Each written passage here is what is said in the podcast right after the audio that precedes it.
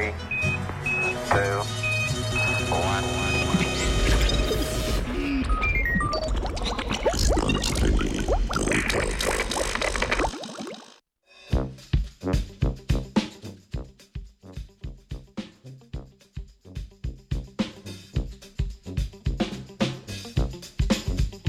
Zakaj bi šli v vesolje?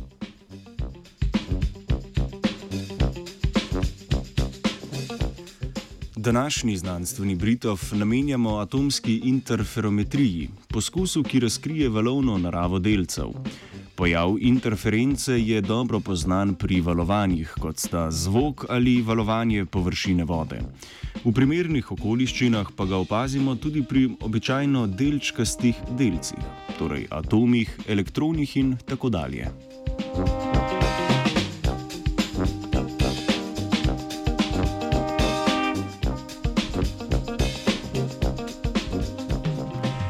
Še posebno zanimivo je opazovati valovno naravo delcev v stanju Bose-Einsteinovega kondenzata.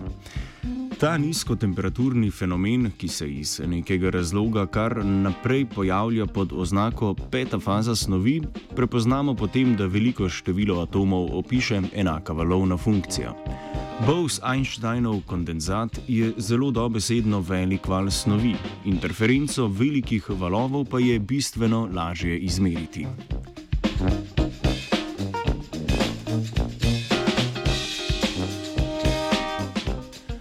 Leta 2006 so ameriški raziskovalci in raziskovalke z Univerze Stanford predlagali postopek, pri katerem bi lahko z meritvijo interference dveh rubidijevih kondenzatov z veliko natančnostjo merili gravitacijske konstante.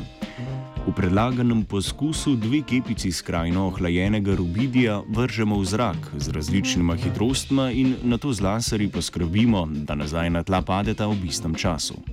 Ko se srečata, izmerimo fazni zamik, ki je sorazmeren času prostega pada. Vse to se dogaja na milimetrski oziroma mikrosekundni skali.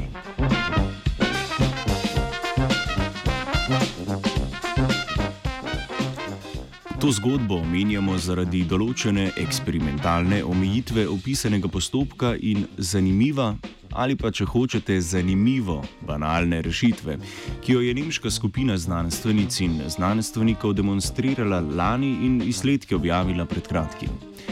Interferenčni poskus z atomi je treba izvajati v vakumskem okolju, ki je iz praktičnih razlogov velik oziroma veliko nekaj centimetrov. Izboljšanje meritev je močno odvisno od časa prostega pada v gravitacijskem polju, torej bi za natančnejše rezultate potrebovali dosti večje naprave.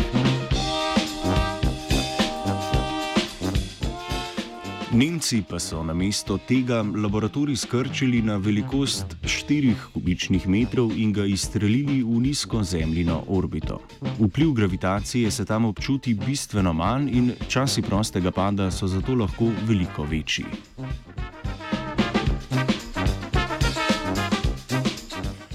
Ekipa je demonstrirala ponovljivost tvorjenja kondenzata na majhnem čipu. Med nekaj minutnim letom rakete so več kot stokrat izvedli poskusa tvorbe kondenzata in atomske interference. V nedavnem članku poročajo o večjem deležu atomov, ki preidejo v kondenzirano stanje v orbiti, glede na razmere na površini. Po njihovih besedah je to posledica malenkost drugačne konfiguracije magnetnega polja. Optimizacija tvorbe kondenzata na podlagi te ugotovitve bo eden izmed naslednjih ciljev v projektu.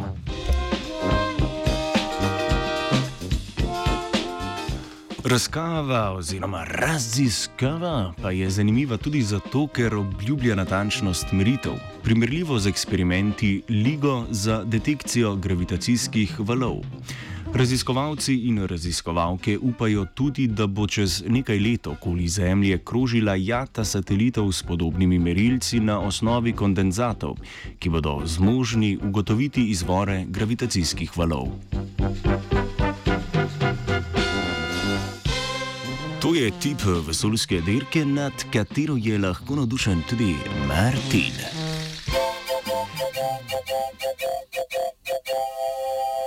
Znanstveniki pred mikrofonom.